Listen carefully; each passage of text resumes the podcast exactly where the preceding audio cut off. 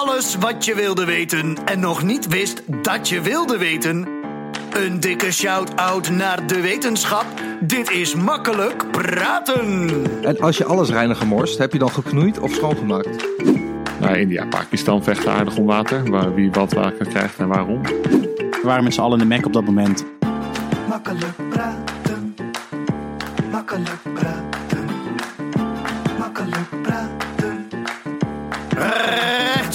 Vanuit de Universiteit van Utrecht. Dit zijn Sander, Adriaan en. En wie eigenlijk? Nico Wanders, assistant professor aan de Universiteit Utrecht, inderdaad, op het gebied van hydrological extremes, hydrologische extremen. Ehm, over zijn onderzoek, leven als onderzoeker en allerlei andere dingen gaan we het deze cast uitgebreid hebben. Nico, welkom bij Makkelijk Praten. Ja, dankjewel. Leuk dat je er, eh, leuk dat je er bent. Hey, even, ehm, even om af te trappen. Hydrologische extremen. eh, in twee zinnen, in normale mensentaal. Wat, eh, wat, wat doe je dan? Waar hou je mee bezig? Eh, naar overstromingen en droogtes. Kan in twee woorden eigenlijk. Oké, Ja. Nou, dat was hem dan. Ja. Bedankt voor het luisteren. Tot de volgende tot de keer. volgende keer. Dan met... eh, nee, Ehm, nee oké. nou, dat is wel, dat is wel even, even, even helder. Daar gaan we het over hebben. Hey Nico, we zitten hier ehm, eh, op de vierde eh, verdieping. Eh, op het Utrecht Science Park. Dat heette, dat heet vroeger de Uithof, toch? Dat heette vroeger de Uithof. Sinds kort heet het... Oh, is dat veranderd? Ja. Ja, Oké, oh, dat wist ik helemaal niet. Utrecht Science Park. Ik denk dat ze het internationaler willen maken, gok ik, toch? Ja, Ja, en anders, hoe zou je het anders moeten noemen? De oud hoofd. De Oudhoofd. ging, ga- ging hem niet worden. Dus, dus daarom is, denk ik denk dat dat is waar we van. Maar we zitten hier ehm, op de vierde verdieping en we hebben net, ja, net wel, net wel eens, uh, uitzicht, eh, ehm, toch, op de botanische tuinen. ja, ja, daar, die eh, zijn er aan de linkerkant daar. Ja. Zijn, ehm, je had net over overstromingen, droogte. Je bent geoloog. Heeft, hebben de bo- botanische tuinen een, eh, hebben, hebben die een bijzonder plek in je hartje? Of om maar eens een eh, cliché te Een noemen. botanisch tuintje in je hart. nou ja, wat, eh, vanuit mijn kantoor kijk ik er altijd op uit. En je ziet eigenlijk alle seizoenen langskomen. Dus eh, en, eh, ja, zowel droogtes, overstromingen, regen, zon, alles. Eh, dus dat is heel leuk uitzicht en je ziet hoe alles daarop reageert. Eh, nou, je kan zelfs de overstroming daar bij de bankjes eh, zien, die grote plassen. Ja? Als je straks naar huis loopt, zie je dat daar bankjes in verzopen zijn. Eh, dus eh, eigenlijk alles kun je hier zien wat betreft eh, droogtes en overstromingen. En Wordt, dus- wordt daar een beetje, daar wordt, wordt, er, wordt slecht watermanagement uitgevoerd daar bij dat ik, meertje? ben, ik ben heel benieuwd wat ze daar doen, ja. Dat is, staat al een maand of zo. zo. Dus Ja, of zijn dat de uiterwaarden Ja, de Utrechtse Science Park Uiterwaarde. Ja. die voorkomen dat het, die voorkomen dat het overstroomt? Doe jij, want in de botanische tuinen, dus ben je daar wel eens voor je onderzoek of niet? nee, dat is eigenlijk mijn rustmoment van de dag. Daar lunch ik. Als in, ik loop daar een rondje om niet de hele dag achter een bureau te zitten. Oh, dat Dus vind ik heel idyllisch. En dat zou ik waarschijnlijk ook doen als ik eh, echt een vaste werkplek zou hebben. Even een mooie plek uitzoeken om te wandelen. En eh, als je dan de botanische tuin hebt, is dat natuurlijk echt eh 1 plus 1 is 2. Ja. ja. Ja, ik, dacht, ik da- dacht, misschien zit je er wel, doe je er, of zijn het meer, is het meer andere mensen die er Er zitten? andere mensen, ja, de echt eh, nog meer hardcore geologen zitten daar. Ja? En eh, ja, die hebben daar wel, maar er is niet zoveel ruimte natuurlijk in de botanische tuinen. Dus. Maar het is wel grappig, in de zomer inderdaad zie je allerlei mensen met kinderen ook en eh, langskomen of eh, schooluitjes. Ja, en dan kan ik dan elke dag eh, gewoon lunchen, dus dat is wel lekker. Ja. Dus jij komt daar voor je rust en dan zit je daar tussen groep 7 kinderen die om je heen aan het rennen en het schreeuwen zijn. Dat is dan toch weer balen. Zoiets anders dan studenten. Ja. Ja. Hey, ik ben heel blij dat we een klimaatwetenschapper in de uitzending hebben, Sander. Ja, waarom? Ja, omdat ik vind dat in de media, als het over klimaat gaat, Ja. dat er dan vaak eh, mensen naar voren worden geschoven die geen klimaatwetenschapper zijn. Terwijl juist zo'n belangrijk onderwerp, dan schuif je toch iemand naar voren, lijkt mij, die er verstand van heeft. Maar dat, gebeurt niet. Dus ik vind het wel, eh, ik vind het heel belangrijk dat, dat, eh, dat die mensen wat ehm, meer een podium krijgen. En ik vind het heel goed dat wij daaraan bijdragen. De afgelopen weken waren het voornamelijk boze middelbare scholieren die aan het woord kwamen. Ja, maar ook heel goed. Ook heel goed. Maar, de- maar die, die kwamen niet aan het woord op een inhoudelijke manier verder. Die waren gewoon, die kwamen gewoon op voor een betere wereld eigenlijk. En eh, die kun je dus niet echt kwalijk nemen dat ze nog niet zijn opgeleid. Maar als je dan toch eh, oudere mensen naar voren schuift die een specialisme hebben, dan moet je wel iemand voorschuiven die gespecialiseerd is in het klimaat. En niet iemand die gespecialiseerd is in eh, scheikunde of whatever. Nee, weet je wel. Dat heeft er wel mee te maken, maar dan heb je toch denk ik niet het hele plaatje. En dan Nee. heb je denk ik als klimaatwetenschapper toch beter, lijkt mij. Denk ik Maar ook. ik ben geen klimaatwetenschapper, dus misschien eh, we- weet ik het wel niet ook. En dan zeg ik nu iets heel raars. maar goed, dus daarom wil ik even zeggen dat ik er blij mee ben. Ben jij er ook blij mee, Ik ben er zeker blij mee. Ik ben ook blij dat je vindt dat, er, dat als er oudere mensen naar voren geschoven worden, dat je dan eh, dat eigenlijk impliciet zegt dat Nico eh, hartstikke oud is. Volwassenen. Ik bedoel wel volwassenen in de vergelijking met de kinderen die je net zei. Ste- Steek die maar in je zak, Nico. Ja. Ehm, Wil je nog een lolly trouwens? ehm, zullen we gewoon even gaan, eh, gaan aftrappen met het eerste onderdeel? Een vraag, een antwoord en hup de diepte in. Nico, eh, wat we altijd doen in het eerste onderdeel is gewoon eh luk raken wat vragen. Jouw kant op schieten. Dat kan dus echt over alles gaan. Hè? Dat hoeft helemaal niet over jouw onderwerp te gaan. Ehm, dus eh, probeer gewoon antwoord te geven. Ehm, of niet, is ook niet erg. Ben je er klaar voor? Nee, ik ben er klaar voor. Aad, trap maar af. ja, ik heb een vraag. Nico, waarom is water nat? Goeie vraag. Dank je. ja, dat is het gevoel wat we erbij hebben, denk ik. Omdat het om je, op je lichaam blijft plakken. En eh, ja, heel goede vraag. Ja, maar als je, nou, als je, als je dit zou moeten analyseren op een wetenschappelijke manier, hoe zou je dan hoe zou je dit beantwoorden? Nou, het, het is sowieso vloeistof. Dus dat, eh, vloeistof hebben wij het idee van dat ze nat zijn als je daarmee in contact komt. Dus dat, dat maakt het een, een beetje nat. Maar komt dat omdat, ze misschien, omdat het kouder is? Of omdat het... Het, eh, het, is, het, is, ja, het, het is vloeibaar, dus het beweegt om je lichaam heen. Je, je- Maar gas ook. gas toch? ook, ja. Dus dat, maar dat, dat, vind ik altijd zo niet. raar. Ja, maar dat is toch raar? Maar komt het dan omdat... De dichtheid is anders. Ja, precies. Ja. Oké. En, Dus en dat- daarom is de temperatuur van vloeistof heeft eerder... Je, je, voelt wat het je voelt. Ja, ik denk, Toch? Ja. Is nat, maar nat is toch gewoon de overkoepelende verzamelnaam die we gegeven hebben aan het, het, eh, de eigenschappen van water. ja dat, dat, dat denk ik ook een beetje. Oké, Sander, ik ga zo meteen jouw vraag ook neersabelen. Nee, nee, maar ik, nee, ik wil ze niet neersabelen, maar meer gewoon, ik zat even te denken wat, nou, ik dacht, er zat even meer soort van vanuit het taalkundig perspectief te kijken. Kijk, ik ben Ja, maar dat is dus precies wat we niet willen. is ook een wetenschap, hè? Maar we zitten hier toch niet met een taalkundige? Mooi, als we een keer taalkundige hebben, dan gaan we allerlei hele moeilijke... eh, natuurkunde vragen stellen. Ja. Maar je zegt het, het, het gevoel wat je erbij hebt, omdat het om je heen Ja, ehm, dat is een hele goede vraag. Ik heb hem nog nooit gehad eigenlijk. Dat is, eh, maar dat komt ook als je naar de hoogte kijkt. Dat is nooit nat. Maar eh, ik denk dat het, het gevoel wat we erbij hebben en eh, dat het vloeistof is. Is droogte nooit nat? Eh, droogte is eh, nooit, er is altijd tekort aan water, per definitie. Oké. Dus Maar er zit wel ook, als je bijvoorbeeld op de Sahara kijkt, of noem een andere droge plek, zit er toch wel vocht in de, in de lucht. er zit eh, wel wat vocht in de lucht. Wil ik je meteen corrigeren. Sahara is geen, eh, heeft geen last van droogte. Het is het klimaat. Oh, oké. Het is een woestijn. Oh, wacht even. Maar dat, ja, dan gaan we eigenlijk al diepte in. Maar even, Ja, sorry. even mental, mental note to self. Het, dus, dus dat, dat is wel echt iets anders. De Dus Sahara is is niet dus- droog. De Sahara is wel droog, maar is geen droogte. heeft geen last van droogte. Ah, oké. Dus het, is- die, die is, het is wel droog, maar is daar gewoon oké mee. Ja, is standaard. Dat dat, is gewoon chill. net zoals dat op de, de Noordpool is het standaard eh, koud, zeg maar. Dus eh, als je daar een hittegolf hebt, is het 0 graden. Ja, Dus, dus van. dro- met, met droogte bedoel jij eigenlijk eh, de re- eh, relatief van wat je zou verwachten. Maar oké. Helemaal ja. goed. Ja. Oké. Sander, had jij nog een eh, leuke vraag? Eh, ja, ik, had, eh, ik vroeg me af waarom eh, eh, de kleuren van de regenboog altijd hetzelfde zijn. Ja, dat komt door de berekening van het licht, voor zover ik weet. Oh. Opgelet heb bij natuurkunde. Nou, nou dat, is, dat is vrij snel uitgelegd. En voor iemand die niet precies weet hoe breking van het licht in zijn werking gaat in de Ja. atmosfeer, zou je dat iets uitgebreider uit Ik, kunnen ik zou kan poging wagen. Ik ben geen natuurkundige, maar het, het licht van de zon komt, eh, raakt een waterdruppel en die splijt alles in de verschillende golflengtes. En daardoor zie je de, altijd in dezelfde volgorde. En elke kleur heeft een andere golflengte. Ja. En daardoor zie je ze altijd in dezelfde volgorde. Net zoals dat, die, die breking van het licht in die prisma, wat je altijd ziet Ja. eh, Ja. op, de, op de, de, die albumhoes van Pink Floyd. Dat is ook een, Hetzelfde, oké, heel goed, heel goed. Eh daar heb ik ook nog een vraag. Waarom wordt je huid donker van de zon, maar je haar juist licht? Ja, volgens mij is je huid eh, wil zichzelf beschermen door donker te worden. Ja, En je haar is al dood. Dus ik denk dat dat gewoon uitblijkt. Je haar is toch niet dood? ja Ah, is dat, zijn dat die dode huidcellen eigenlijk? Volgens mij het uiteinde van je haar. Je- Is je, je uiteinde van je haar dood? Ja, het, groeit, toch- het groeit in het haarzakje en dan... het heeft eh, toch een soort van uit- vier fases, heeft het toch of zo? Is het altijd, je hebt... Wat voor fase is dat? Nee, je hebt Kort, kort, lang. middelkort, lang, heel lang. Nee, je hebt zo'n fase. Je hebt eerst een soort van de, de, de groeifase. En dan is het soort van volwassen. En dan komt er weer een nieuw haartje onder. Die het dan uitdrukt en zo. Maar volgens mij is het niet altijd dood. Anders groeit het toch ook niet? Het groeit van onder. Het wordt van onder... eh, Naar boven geduwd. Naar boven geduwd, ja. Maar wel, maar, het dan maar het afknipt? wordt ook langer. Ja, Dus eh, dat haarzakje maakt telkens nieuwe haar. Hetzelfde als met je nagel, toch? Ik bedoel, eh uiteindelijk van je nagel, dat is niet echt levend meer. Maar dat wordt wel omhoog geduwd. Maar alles, alles oké, dus jullie zeggen eigenlijk het, wat, we zien, wat, wat we zien, het zichtbare gedeelte is dood. Ja, volgens mij wel. Ja. Oké. Heftig. Je snapt natuurlijk wel dat als je deze vragen fout beantwoordt, dat je alle- allerlei, eh, allerlei fact-checkers op je dak krijgt. ja, ik eh, maak me nu wel echt Ja. zorgen. Ik ben ook heel blij dat, je, dat, dat, dat jij begon met in deze uitzending klagen over dat, we mensen, eh, dat er mensen aan het woord komen die geen verstand hebben van een onderwerp.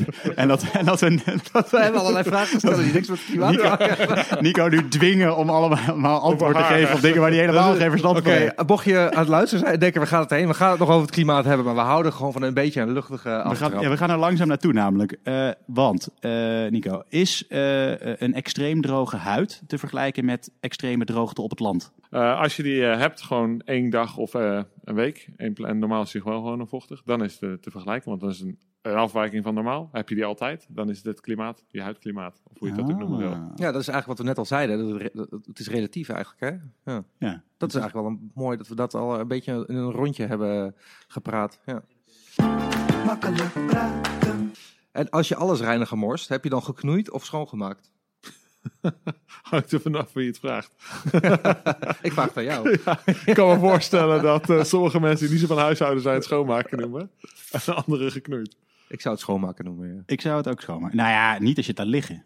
Als je alles reiniger laat liggen, wordt het dan op een gegeven moment smerig ook? Of, of wat, wat gaat er dan gebeuren? Ja. dat is gewoon vies. Droogt, Ja. droogt het Dat is ook raar, want het zou toch ook het, het, het vuil dat erin komt Nou, moet volg- schoon moeten maken. Volgens de, als je, als je puur naar het woord zou kijken, Ja. zou je zeggen dat alles wat ermee in aanraking Ja. komt schoner zou Ja, moeten worden. Precies. De lucht. Ja. Bestaat er ook extreme droogte op zee? Ehm, Ik zou verwachten nu van wel, omdat je dan toch ook Ja, nou, zit- relatief... eh, ik, ja, ik ja. zit te denken of dat voorkomt. Ah, de wetenschapper als ik ben. Hooguit, ja, en eerst meer of minder in de regen, maar eh, dat valt ook op zee, uiteraard. En het kan heel droog zijn op zee. Als het een tijd lang niet regent op een bepaalde plek. Maar er is altijd water beschikbaar. Maar minder zoetwater. Dus als je echt naar zoetwater kijkt, dan, eh, dan kan er wel droogte zijn. Maar zoutwater is er volgens mij altijd genoeg. Tenzij app en vloed wil. eh, ja, maar, Maar dat is, maar dat is, normaal, dat is ook weer normaal. dat is ook niet normaal. een- dus ja, dat is die, springvloed dan. Die, ja, die telt dan niet helemaal. Want is dat, dat is wel grappig dat je dat zegt. Want ehm, je hebt het net over verschil tussen zout en zoet water. Is dat, eh, is, raar, is dat, dat een belangrijke factor bij, bij droogte, waar jij naar kijkt? Ehm, nou, eh, we kijken bijna altijd naar zoetwater. Maar eh, zoutwater heeft ja, slechte gevolgen. Dus eh, bijvoorbeeld zoutwater wat de Rijn indringt, bijvoorbeeld. Ja. Of andere rivieren. Ja, dat kun je niet meer gebruiken om te drinken. Je, je, je, je land te verbouwen of dergelijke. Zoutwater is in dat opzicht slecht. En vaak een negatief gevolg van te weinig zoetwater. Omdat dan het zoutwater denkt, oké, dan gaan wij de, dan nemen wij die plek wel in. Ja? Ja. Werkt dat zo? Zijn dat communicerende vaten? Eh, ja, je kan je voorstellen als je een tuinslang, de, of nou wat is het, eh, de Rijn staat de hele tijd, voert die water af naar zee. En daar zit gewoon een open verbinding. En als op een gegeven moment de Rijn stilvalt, ja, dan wordt- dringt dat zoute water in. Kijk, nou, dat gaat zover tot als in de Biesbos. Zou er nog minder zoet water komen, dan gaat het nog een stukje verder. Is daar, is er, we- weet ik niet. Is in de, in de Biesbos nu een actief zoutwaterprobleem? Nou, dat is geen probleem, want dat is de, wat we toestaan. Dus nee, in Nederland is alles heel erg gemanaged op watergebied. Ja. Maar eh, ja, dat staan we toe. Dus, eh, dat, dat, en ook voor de natuurwaarde. Dus dan krijg je een soort van brak interactie tussen zout en zoet. Ja. En ja, Ik herinner me dat nog van de middelbare school. Dat we ooit naar de Biesbos zijn geweest. en dat ik daar heb geleerd wat brak water was. nou ja, dat is, dat is waar ze bij elkaar komen eigenlijk. Ja. En eh, wat je ook ziet is dat het zoute water echt op de, op de bodem ligt. Met zoete water aan het oppervlak. Meer, want ze hebben ook verschillende dichtheden. Maar hoe verder dat zoute water het land in komt, hoe slechter het is eigenlijk. En, eh, althans, vinden wij slecht, omdat we er niks meer mee kunnen. We kunnen Ja. geen drinkwater van maken bijvoorbeeld. Kost meer tijd. Kost me- Want, is dat, want dat vind ik wel, eh, wel interessant, omdat je dat, ehm, je, je benadering dan, ik weet, weet niet of ik dan te kort door de bocht ga met, met hoe misschien vanuit, eh, vanuit je onderzoek is dan ook heel erg ehm, droog te bezien vanuit eh, voor de mens. Op die, dat je er op die manier naar kijkt, van wat hebben wij eraan? Ja, nou, Sta, je- sta je er zo, is het zo praktisch wat je doet? Eh, de, het eerste is echt natuur van oké, wat zijn de processen die spelen, wat gebeurt er, waarom hebben we eigenlijk te weinig water. Maar ik vind zelf het heel leuk om de link te leggen tussen oké, dan hebben we dat tekort. Eh, en wat zijn dan de gevolgen daarvan? Nou, eh, niet dat de gevolgen leuk zijn, Maar dat maakt het wel interessant, want hoe reageren mensen er dan weer op? Van, oh, ik heb nu te weinig water, wat ga ik doen? Uh, dus die interactie vind ik juist heel leuk om, uh, om te bestuderen. Maar daarvoor heb je wel, moet je wel begrijpen wat er in het, het natuurlijke gebied gebeurt. Dus waarom uh, is er minder regen? Of waarom staat de Rijn lager? Of waarom zakt het grondwater weg? Of Ja. waarom staan die plassen hier, hier buiten? dus dat moet je begrijpen. En dan vervolgens is die vertaalslag naar, ja, wij noemen het in het Engels altijd impact, maar eh, eh, ja, eh, gevolgen. Die, ja, die, is, die vind ik heel belangrijk. En is ook de, ja, de reden waarom mensen erbij stilstaan. Niet Ja. zozeer omdat het, dat er minder water is, maar omdat hun tuintje verdroogt of Ja. omdat er geen drinkwater zou zijn. Maar het kan zijn dat je, dat je er als wetenschapper bij stilstaat. Gewoon uit pure interesse. Toch gewoon Ja, omdat, je het ja. wil, omdat je het wil weten, punt. Dat het hoeft Ja. niet per se. Nee, nee, dat is ook zeker de eerste stap. Eh, en dat is ook waar ik, eh, maar ik zie steeds meer eh, die interacties zie ik ook. En ook, want wij, wij doen ook weer dingen om te zorgen dat er meer of minder water is. Eh, als je in Duitsland of Zwitserland woont en je hebt een tekort aan water, dan denk je, nou, dan hou ik dat lekker, lekker hier vast, zodat ik genoeg heb. Maar dat betekent dat wij in Nederland weer minder krijgen. Nou, het is nog niet eens een extreem voorbeeld, maar er zijn ook andere landen waar die interactie een stuk sterker is. Ja? En, eh, welke, welke landen zijn dat? nou, India, Pakistan vechten aardig om water. Waar, wie wat water krijgt en waarom. En eh, nou ja, daar zijn geen afspraken. Wij hebben afspraken met de Duitsers en de Zwitsers. Eh, bijvoorbeeld, zij mogen ook niet eens alle... Als er een hoogwaterpiek komt, dus een overstroom, mogen ze Mhm. ook niet alles openzetten. Zo van, nou ja, dag Nederland. Nee. Dus daar zijn regels voor. En India, Pakistan, de bovenburen van Egypte, zijn ook... ja, die zijn nu een eigen dam aan het bouwen om zelf meer water vast te houden. Egypte vindt dat niet leuk. Eh, dus ja, dat is ook een hele in- interessante interactie, denk ik. Makkelijk praten. Wat is eh, extreme droogte? Concreet. Wanneer is iets extreem? Wanneer is iets. bedoel je? Nee, nee, gewoon wanneer is iets extreem droog op het land? Wanneer, wat, wat- wanneer, want we hadden het net. In Ja. het begin hadden we het over de Sahara. Ja. Dat, ja, die is wel die is extreem droog, maar relatief. Dat is het klimaat Ja. daar. Maar wanneer, wanneer is iets extreem droog? Ik zou zeggen als iets één keer in de 10, 20 jaar voorkomt. Dus eh, Dus eigenlijk gewoon de, de, de dalen en de pieken eh, die Ja. je hebt. eh, de echte dalen. Dus nou, 2018 komt één keer in de 20, 30 jaar voor. Dat is dan extreem droog. Eh, dus iets wat je niet zo vaak meemaakt in je, in je leven eigenlijk. Ik dacht dat extreme droogte altijd was als je daar buiten staat en dat er dan zo'n takkenwolkje voorbij komt rollen. En dan weet je, oh ja, tumbleweed. ja, tumbleweed. Ja. ja, dan weet je, oh ja, extreme droogte. Maar dat is dus niet zo. Nee, ja, ik zou zeggen één keer in de 20 jaar als het voorkomt. Eh, het nadeel is alleen, eh, ja, klimaatverandering wordt, het komt steeds, er zitten ook trends in. Dus het, het wordt steeds droger, dus zie je dat steeds vaker. Dus dan wordt wat extreem droog, moet je weer aanpassen. Want, Wordt, eh, wordt dan normaal, ja, wordt, maar niet minder een probleem. Nee, het wordt het, eh, wat afgelopen 2018 komt één keer in 30, 40 jaar voor. Het wordt één keer in de 10, 15 jaar waarschijnlijk. Ja. eh, Binnen 2050. Ja, dan is dat minder extreem droog. En dan hebben we weer iets nieuws wat extreem droog is.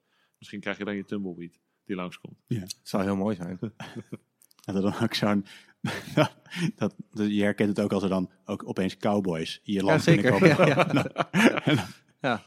Dus Dat is ook mooi, want dan kan ik elke keer als ik een anekdote begin, kan ik eh erbij zeggen. Van, het was er zo'n tumbleweed die daar zo langs gaat. Dit gaan we eruit knippen, hè?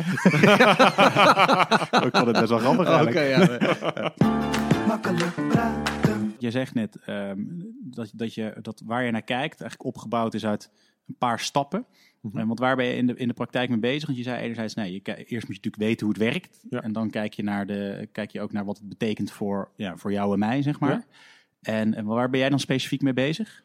Ik kijk nu heel erg naar klimaatverandering en hoe wij het water managen. Dus, eh, wij In hebben- Nederland. Eh, nee, met eigenlijk droogte is iets wat zelden in één land voorkomt of voor een korte termijn. Dus het is echt iets wat groot, heel West-Europa voor maand of maanden. Dus kijk deze zomer, het was niet alleen Nederland wat droog was. Het was Zweden, Noorwegen, Duitsland, België, allemaal droog. Eh, dus het zijn grote gebieden vaak en eh, het duurt ook vaak lang. Eh, dus daar, ja, je kijkt niet naar één land eigenlijk altijd. Nee.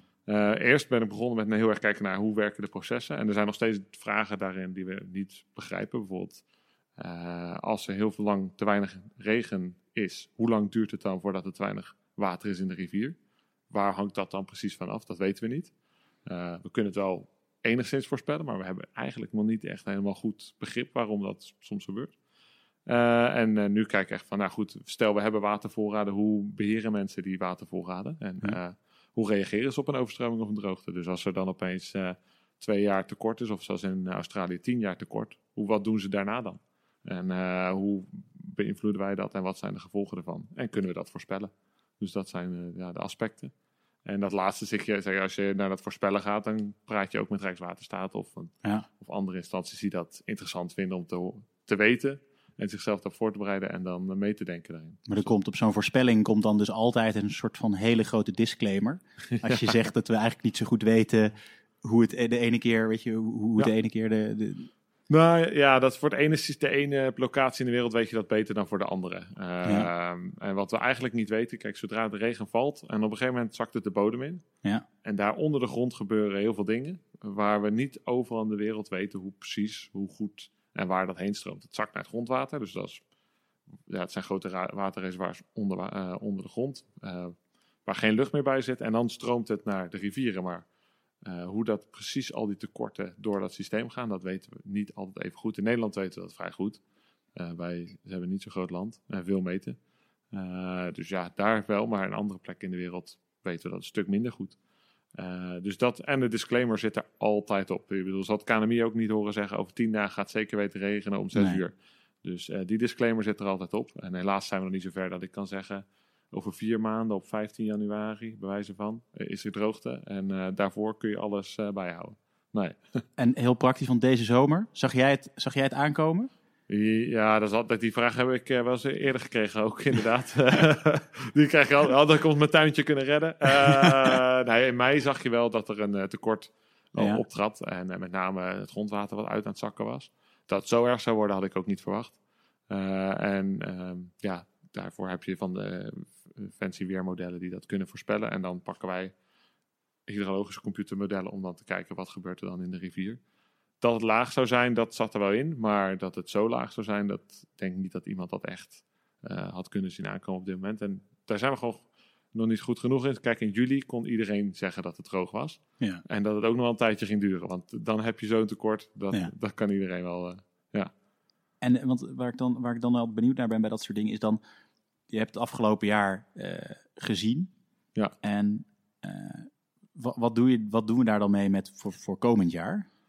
nou, ik Hoe managen we, eigenlijk misschien anders gezegd, hoe managen we ehm, dat in Nederland? Je zegt in Nederland hebben we het best wel goed in kaart. ja, Eh, Ja, nee, ik denk dat als ik zo ook om me heen kijk en ook watermanagers waarmee je dan praat, of die, je ziet dat iedereen ehm, beseft, oké, het is een groter probleem dan we misschien dachten. De vorige echte droogte was in 2003 en die was Mhm. niet eens zo eh, extreem voor Nederland. Dus 15 jaar geleden, mensen waren dat weer vergeten, in zekere zin. En daarvoor was 1976. Nou ja, dat is helemaal, dat was voordat ik geboren was in elk geval. Ja, ja dat geeft wel aan dat, dat je best wel moet onthouden. En je ziet dat nu managers en eh, watermanagers en ook eh, politici denken: oh, we moeten er iets aan doen de komende jaren. Ja. Eh, en met, ze waren al bezig, maar eh, nu zie je echt dat eh, ja, de turbo er is opgezet in dat opzicht. en wat doen ze dan? Eh, maar snel maatregelen nemen om meer water te kunnen bergen of flexibel water te kunnen bergen. Dus als je dus denkt van in mei, hey, misschien wordt het wel droog deze zomer, houden we dat water vast en zo goed en zo kwaad als het kan. En heel praktisch, waar dan? Zwembaden vullen? ja, meestal onder de grond eigenlijk. Dus dat grondwater waar ik het eerder over Ja. had, dat is een hele, hele mooie plek om dat vast te houden. Eh, omdat er geen zonlicht bij komt. Eh, het zit daar gewoon vast. Het stroomt niet weg. Eh, en het kost ook niet zoveel ruimte voor ons. Overal, al, al- alles in Nederland zit grondwater. Mhm. Dus dat is een enorm reservoir eigenlijk. En daar kun je het vasthouden. Het enige nadeel is dat grondwater zit onder het oppervlak. Een bepaalde hoeveelheid meters. Meestal en- een meter tot enkele meters maximaal. Met uitzondering van de hoge plekken in Nederland. Dus als je dat heel hoog maakt, dan wordt het eh, opper, dus de, waar we op lopen, het maaiveld, zoals Ja. we het noemen, wordt ook natter. En boeren bijvoorbeeld hebben daar, eh, zijn daar niet altijd voor, want dan kun je dus ook niet met een tractor eroverheen rijden. Nee. Of koeien die, ja, die maken het helemaal, ja, die maken het helemaal smerig en eh, vertrappen het land als het ware. Dat gebeurt minder snel als het droger is. Eh, dus daar, daar, daar zijn allerlei afwegingen in. Maar ja, als een boer zijn hele oogst verliest, ja, dan, dan wordt het kiezen. Dus eh, En hoe is het, want even heel praktisch, want je zegt, Ja. nou ja, klinkt heel simpel. Houden we vast, grondwater, verhogen we dat? Maar ik heb, geen, simpel, ik heb geen idee. Hè? Wat, ik Ja, doen we dan, halen we dan een, een paar bakken water eh, bij een of ander eh, uit Zwitserland? Van, la- nou, liefst halen we dan het regenwater, want regen valt overal. Ja. Er valt ongeveer 800 mm regen per jaar. Dus dat is eh 80 centimeter aan, aan water. Wat in heel Nederland, dan moet je je voorstellen, je hebt een stukje, een willekeurige tuin. Daar zit dan een laag van 80 centimeter water op. ja, Dat is wat er in Nederland aan regen valt. ja, Nou, als je daar 20 centimeter van extra van kan vasthouden, dat is dus een kwart van je hele eh, jaar aan Ja. regen. Eh, dat helpt je heel veel als je dat zou kunnen. Dus het, het hoeft niet eens enorme hoeveelheden. Eh, maar, hoe, te da- maar hoe dan? Hoe hou je het vast? Ik, bedoel, Ja, ik, ben, ja, ik ben daar niet mee bezig. Nee, nee jij eh, waterschappen bijvoorbeeld, Ja. eh, die zijn daar, die zijn daar, dat is hun taak en die zijn daar ook mee bezig. En dat doen ze als je, nou, eh, door Utrecht zelf zie je niet zoveel, maar je ziet bijvoorbeeld wel, eh, op sommige plekken zie je schu- schuifjes of sluisjes of eh gemaaltjes. Nou, je kan de gemalen uitzetten, je kan de sluisjes omhoog zetten. Op die manier stop je het water van om sneller naar de zee te gaan. Ja, En automatisch komt het grondwater dan vaak mee omhoog. Dat hangt een beetje af van de locatie, maar veel plekken, eh, en zeker in het buitengebied, zie je overal als je, eh, kijk maar op een zomerdag of eh, als je door de, de polder fietst, zie je overal van die kleine stuwtjes en gemaaltjes. Als je die allemaal iets hoger zet, eh, ja, dan hou je dat vast in de, Ja. in de weilanden. Grappig. Ja, ja, in Nederland zijn we eh, echt eh, watermanagers, maar dat, is, en dat is, maar dat is eigenlijk, dat is, in die zin is dat, lijkt dat, misschien ga ik nu heel kort de bocht, eigenlijk heel erg op wat we al sinds de Gouden Eeuw doen. Eigenlijk toen qua watermanagement. Ja, dat... dat, Het zal ongetwijfeld iets geavanceerder Ja. zijn geworden. ja. Ik denk niet dat er nog een, nog een os, een gemaal aan het aantrekken is. Misschien wel ook. Weinig, wind, weinig gemalen op windenergie ook meer. Nou ja, de, de- de- in zekere zin eh, zijn wij gewoon heel lang al bezig met het water bouwen en managen. En al die vaarten en grachten en weet ik wat. Eh, ja, die, die hebben we ontwikkeld. En eh, daarmee houden we ons hele land droog. En daar zijn wij heel goed in. Internationaal ook. Het zijn niet voor niks. Er zijn ver- verdomd veel mensen die water bestuderen in Nederland. Ja. Die dan ook toevallig nu weer in het buitenland wonen of werken. Dus Nederlanders die dan eh, kennis gaan brengen naar het buitenland. Is dat, is dat, zou dat een ambitie van jou zijn? Om dat op een gegeven moment in het, in het buitenland te kunnen doen? Eh, ik ben al in het buitenland geweest voor een paar jaar. En ehm, ik werk eigenlijk heel veel samen met de Europartners in Europa en de VS. Eh, ook in met Afrika een beetje. Eh, omdat het zo'n internationaal probleem is. En Mhm. omdat alles wat we ontwikkelen eigenlijk relevant is voor anderen. Maar ja, die echte praktische oplossingen, die lokale, zoals ik heb over die stuurtjes en dat soort dingen. Ja, dat, dat kan alleen in Nederland. Want dat, we zijn echt wel het enige land wat zo'n eh, unieke situatie heeft wat dat betreft. Ja. Eh, heel veel andere landen, daar bouwen ze een grote dam en dan stoppen ze, zoals jij voorstelt, allemaal zwembaden aan water in. Dat is de meer standaard oplossing in het buitenland. Ja. Omdat zij, wij hebben gewoon geen hoogteverschil. Dus waar zou je dat water kwijt willen? Ja, Ja. Dat is een beetje, een beetje het probleem. Waar heb je, want je- jij zegt een paar jaar in het buitenland gezeten. Waar heb je gezeten? Eh, in de VS, in eh, Princeton, is vlakbij New York. Ja. Dus- Oh, lekker. Ja. Dat is wel eh, een prominente plek toch om te zitten. ja, het was wel, eh, ja, het is... eh, En nu zit je aan de Ah. Princeton Laan, dus dat is ook wel... ja, eh, ja, ja, dat dat komt wel. geestig, ja. Ja. Ja. ja, komt weer goed. eh. Wat heb je daar gedaan? Eh, daar hebben we gewerkt aan een voorspellingssysteem voor droogte ook. Ja. Eh, met name gericht op Afrika. eh, om te kijken of we dat beter kunnen voorspellen, maanden vooruit en dergelijke. En is dat gelukt? Ja, dat lukte in Afrika een stuk beter dan in Europa. Omdat het weer daar voorspelbaarder is. Het- hetzelfde systeem hebben we toen vervolgens ook in Europa toegepast. Dat leek ook te werken. En, Oké. Ja. Lijkt me ook wel heel erg macaber ergens. Dat je dus heel goed kan voorspellen dat ergens heel erg veel droogte zal plaatsvinden. Of hoe je het ook kan noemen. En dat, dat, dat is daar zo erg dat er ook gewoon levens zal kosten. Ja. Maar dat, weet, dat, dat kun je dus voorspellen, maar je kunt er daarna vervolgens niks aan doen. Eh, nee, maar organisaties als bijvoorbeeld Rode Kruis, die werken dan wel met dat soort informatie. Want Ja. dan weten ze bijvoorbeeld waar ze voedselhulp moeten gaan. Precies, oké, mogelijk ja, dat is wel echt tof. Dat is ook mooi dat je dan eigenlijk heel snel weer de toepassingen ervan vindt op menselijk niveau. Ja, dus en over het algemeen zetten we die data dan ook op website portals, Ja. waar je zelf zou kunnen kijken van, nou, hey, eh, en eh er zit de dikke disclaimer die zit erbij, eh, want dit is maar een voorspelling. Eh, maar ja, als die voorspelling een paar keer goed uitkomt, dan eh, hebben Wat- mensen wat- wat- vertrouwen. jullie bevindingen die zijn gewoon openbaar. Ja, die Oh, dat is wel nice ook. Dat Ja. vind ik ook wel belangrijk. Dat eh, wetenschap openbaar wordt gemaakt. Daar ben ik altijd wel voorstander van. Dat is wel mooi. Nou ja, we- ja voor, ons is de. Wij gebruiken heel veel data van andere mensen. Eh, dus eh, kijk, als ik zo'n voorspelling maak, dan moet ik weten hoeveel gaat het regenen, hoe warm is het, nou ja, al dat soort dingen. Dat krijg ik weer van anderen. Dus eigenlijk is het ja, een beetje, eh, wij, wij zetten dat voort door dat dan weer Ja. eh, online te zetten. Het, het moeilijkste is nog om eh, mensen eh, te laten vertrouwen dat zo'n voorspelling werkt. Want eh, ja, als jij de, de tien dagen pluim van het KNMI al niet gelooft, waarom geloof je mijn twee maanden droogtevoorspelling?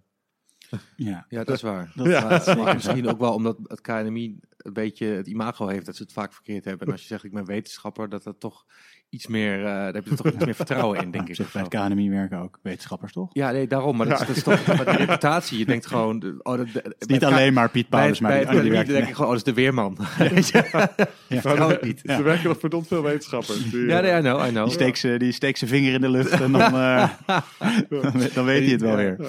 Nee, ja, dus dat, kijk, dat is, maar dat eh, droogte is iets makkelijker voorspellen dan een regenbui. Maar ehm, Ja, is dat zo? ja, omdat je kijkt naar heel lang niks.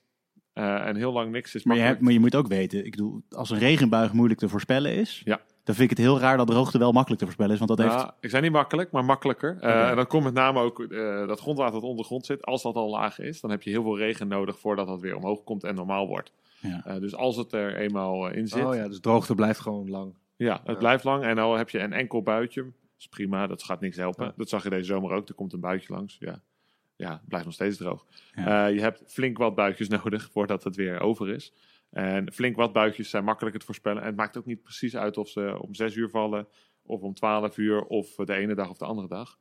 Terwijl voor een weersvoorspelling als regen, ja, als eh, Piet maar bij wijze van spreken zegt, eh, het morgen wordt het glad en het is 10 graden, ja, dan zit iedereen, hey, eh, dat is helemaal mis. Ja. Hetzelfde geldt voor dat hij moet oprotten. Wordt iedereen boos. Ja. Hey, ik ben, waar ik heel erg benieuwd naar ben, is wat merk ik, eh, wat merk ik nou van droogte, gewoon even laat in Nederland houden, in mijn dagelijks leven? Want afgelopen zomer was het heel droog. Ehm, maar ik had niet echt het gevoel dat ik er heel veel last van had. Maar dat, eh, dat zou, goed kunnen. Dat, eh, nee, dat, is het, dat vind ik altijd nog wel een beetje het, het, zure van droogte. Eh, nou, Nederland sowieso is goed voorbereid. We hebben veel en we hebben ook redelijk goede strategieën in plaats om te zorgen dat we geen- jij er geen last van hebt. Ja. Dus drinkwater is heel belangrijk, veiligheid is heel belangrijk, al dat soort dingen. In geval van droogte is heel belangrijk. Boeren staan een stuk lager op de prioriteitenlijst, dus die zullen er meer van merken. En de natuur hetzelfde verhaal. Ga je dan vervolgens terug naar Afrika, dan is, het een veel heeft, is de impact veel groter. Eh, dus ik, ik vergelijk wel eens, er was een hele grote droogte in Californië. Nou, een van de rijkste staten van de VS.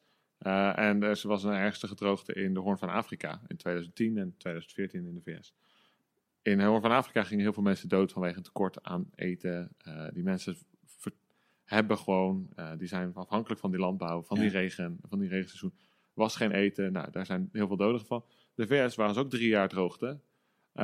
Maar vervolgens wat ze gingen doen is grondwater oppompen. Ze hebben genoeg andere maatregelen en vooral geld om te voorkomen dat ze er last van hebben. Ja. Uh, en ja, daar is, het, daar is de schade vooral economisch.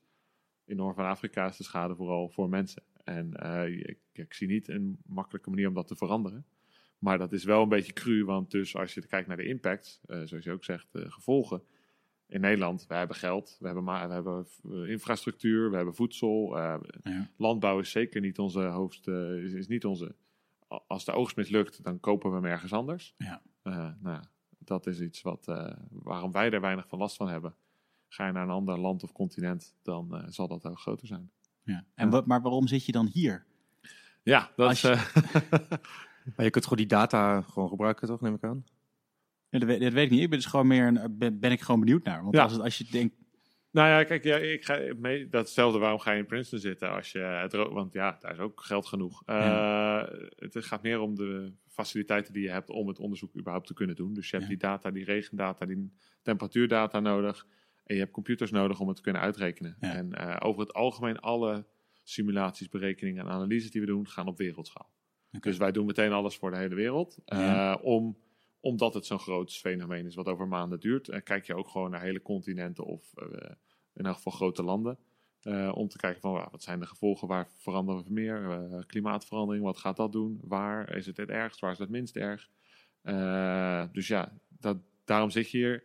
En in Nederland is heel veel hydrologische kennis. En dat maakt het een goede Ja. plek om... want als ik een idee over vraag of ik denk van... Ah, klopt, dan kan je heel makkelijk samenwerken met mensen om weer een stap te zetten. En uh, dat is niet overal even makkelijk. Uh, maar als je echt gaat kijken naar die impacts en eh, ja, proberen eh, daar iets aan te doen, dan zou je meer richting eh, bijvoorbeeld Afrika moeten gaan. Of samenwerkingen zoeken met mensen die daar meer verstand van hebben. Mhm. Kijk, ik ben niet iemand die eh, voedselhulp kan uitdelen of weet hoe dat werkt. Nee. Eh, maar ik kan wel het Rode Kruis de informatie geven die zij eventueel nodig hebben om dat te doen. Ja. Dus dan op die manier proberen we dat eh, te doen. Ja. Oké. Want je krijgt, want je, dat, dat, je krijgt die informatie wel naar. eh, het, want dat komt daar wel terecht, neem ik aan. Nou, dat is soms nog wel eens moeilijk, want ja, je hebt zo'n plaatje van de wereld met eh, hier is droog, daar is droog, hier verwachten we ook nog even droogte. Of, eh, Ja. Om dat dan echt ja, bij, die mens, eh, bij de mensen te krijgen, zelfs ook in Nederland, van hoe gaan mensen dat echt gebruiken? Ja, dat is, vraagt soms nog wat overtuiging. En ja, dan moet je de goede partners hebben. Dus of een heftige droogte, dat mensen denken, oh, hier moeten we iets mee. Eh, laten we gaan kijken. Eh, en oh, dat had die jongen wel mooi gesimuleerd en het ziet er wel eh, uit en hij voorspelt dit. Dus dan gaan we het gebruiken. Of je, gaat, je gaat met partners in samenwerken. Dus we hebben bijvoorbeeld samengewerkt met de meteorologische dienst in West-Afrika. Die, die gebruikten onze simulaties en die kunnen dat dan weer vertalen. Die hebben een nieuwsbrief voor allerlei boeren en andere instanties van hey, dit is wat we zien. En zij kunnen dat dan weer distribueren naar eh, mensen underground. Ja, ik kan niet één voor één iedereen langs gaan. Dus je moet eigenlijk zoeken naar een iets hoger niveau waar je zegt, oké, een Rijkswaterstaat, een Ja. meteorologische dienst van hey, kunnen jullie ons helpen? Die, zijn- en die, kan, die zijn daar niet altijd even goed te vinden of te bereiken. Ja, je moet iemand vinden die erin gelooft, die dat, Ja. eh, die dat eh, wil. En eh, ja, je moet ook zelf aantonen als wetenschapper dat het werkt natuurlijk. Ja. Ja. als je, anders dan kun je wel een mooie simulatie hebben met mooie plaatjes, maar dan ja, je moet wel enige geloofwaardigheid hebben. Ja. Interessant. Wat, qua, um, um, qua klimaat hè, en qua klimaatproblematiek um, hebben we het eigenlijk altijd over, nou even heel, heel kort samengevat, smelten van de poolkappen, stijgen van de zeespiegel. Um, is droogte een grotere bedreiging dan, uh, dan, dan die problematiek? Um, hangt vanaf waar je in de wereld bent. Woon je in het mediterrane gebied? Zeker. Uh, dat is echt een regio waar die nu, die, die komt als een soort van rode bullseye, komt die eruit op alle, op alle voorspellingen. Ik zou zelfs durven zeggen dat voor in elk geval de gevolgen voor de korte termijn voor Nederland ook. Uh, kijk, als die zeespiegel 3, 4 meter gaat stijgen, dan heeft Nederland uh, andere problemen. Uh, maar tot die tijd, als bijvoorbeeld die zeespiegel stijgt aan de ene kant en de Rijn heeft minder, krijgt steeds minder water aan de andere kant, ja. dan dringt dat zoute water steeds verder ons land binnen. En we hebben dus minder. Dus dat zijn de economische gevolgen op dat gebied groter. Het zal minder levensbedreigend zijn dan een uh, 4 meter zeespiegelstijging. Dus dat is uh, ja, wat je wil zien. En hele, heel, veel grote, uh, heel veel delen in de wereld waar die niet aan de zee liggen, bedenk, daar, ja, daar is droogte en de invloed op het landbouw eigenlijk een groter, heeft vaak een grotere impact dan die zeespiegel die kilometers, tientallen kilometers ver weg is. Nederland ligt op een hele unieke delta positie, het afvoerputje van de Rijn de Maas. We liggen laag. Ja, ja dus uh, ik denk dat het wel eens onderschat wordt. Maar ja, uh, dat is altijd maar als, je, als mensen het zien, ervaren en voelen, dan, uh, kijk, dan, dan hebben, beseffen ze wat een probleem dat is. Nou ja, 2018 in dat opzicht heeft uh, in elk geval een beeld gegeven voor mensen wat dat is. En ik denk, als je kijkt voor de mediterrane gebied, dus Spanje, Italië, dergelijke, daar gaat het nog wel een stuk, uh, daar wordt het nog wel een stukje erger. En wij zitten eigenlijk op zo'n grens voor droogte tussen, wordt het natter of wordt het droger? Omdat, ja, wij zitten net tussen het mediterrane gebied waar het droger wordt uh, en uh, Scandinavië waar het over het algemeen natter wordt. We zitten wel aan de droge kant, uh, maar het is minder heftig dan in andere regio's, ja. Oké. Okay. Ja. Dus dat... Denk jij dat het komt door menselijk toedoen? Uh, ik denk dat het uitstoot van CO2 niet helpt bij uh, dat, dat die, die opwarming van de aarde. Uh, dat dat zeker gevolgen heeft voor ja, de, hoeveelheid droogtes die we zien. Um, ja, en, en verder gaan we ook niet altijd even verantwoordelijk om met hoeveel water en dergelijke we hebben. Dat is natuurlijk ook nog een ding, hè? Ook als je bijvoorbeeld kijkt naar energie, want dat is natuurlijk ook een heel groot vraagstuk. Maar uh, dat is ook iets waar we heel erg slordig mee omspringen. Dus dat zijn ook nog wel dingen waar je sowieso kan verbeteren, ongeacht je invloed op het klimaat. Ja, ja. nou als je kijkt gewoon wat mensen. Als je, nou weer weer de VS, dat is natuurlijk wel een beetje een extreem voorbeeld. Maar Californië, dat ze gewoon nog een uh, golf, golfbaan uh, en groen aan het houden waren. Terwijl aan de andere kant alles gorddroog is. Ja, dat, ja. dat is ook echt Ook een beetje de vraag waar je, Ja, ja. waar je prioriteit ja, en het zwembad gevuld. Nou, het zwembad is gewoon een soort van dampende bak water. Daar gaat het als een idioot Ja, uit. ja, En, dat is eh, echt- ja. Nee, dat is dus heel, heel Dan, dan denk je wel eens waarom. Eh, eh, Ja. en dan trek je ook eh, dat grondwater, waar we, dat, dat trek je helemaal nog naar beneden. Dus dan blijft het ook nog een tijdje langer problematisch. Maar ja, als je het geld Ja. hebt. Ja, ach. Ja, als je het geld... Ja, ja, ja, dat is een beetje dat de... is het enige wat ze daar wel hebben, volgens Ja. mij. Maar, eh, ja. Hey, wat is het aller, aller, allergrootste waterreservoir wat we in Nederland hebben? IJsselmeer. Daar, dat, maar dat is gewoon... Maar dat dat degene die je kan zien. Onder, onder de grond zou ik het grondwater zeggen. oh ja, gewoon, dat is dat gewoon over, overkoepelend Ja, maar in principe het IJsselmeer. Dat is, eh, dat is ons grootste. Er is een dam op. Dat is ons enige reservoir, zou ik zelf durven zeggen, wat we echt hebben. En die gebruiken we ook. Dat is niet, eh, Ja, die gebruiken dat we is niet alleen om het op te zeilen. Nee, het is niet alleen om te zeilen of voor de natuur. Is, eh, als je in Friesland, Groningen of Noord-Holland woont, eh, Flevoland, dan eh, wordt dat flink gebruikt. Er gaat heel veel water vanaf de Rijn via de IJssel, gaat naar het IJsselmeer. Dat is een soort van bassin waar mensen eh, in Friesland water, of nou mensen, het waterschap in Friesland water Ja. uithaalt. En als ze te veel hebben, storten ze het weer terug. En eh, gaat, komt het IJsselmeer te hoog, dan lozen we dat op de Waddenzee. Eh, komt het te laag, dan wachten we tot het weer via de IJssel wordt aangevuld. Ja. Dus dat is ons, eh, ons, Enig. ja, ons reservoir. Ja. Oh, cool.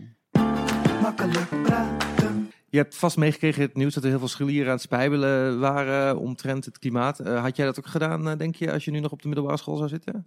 Ik denk het wel, ja. Ja, dat is Ja. wel klasse.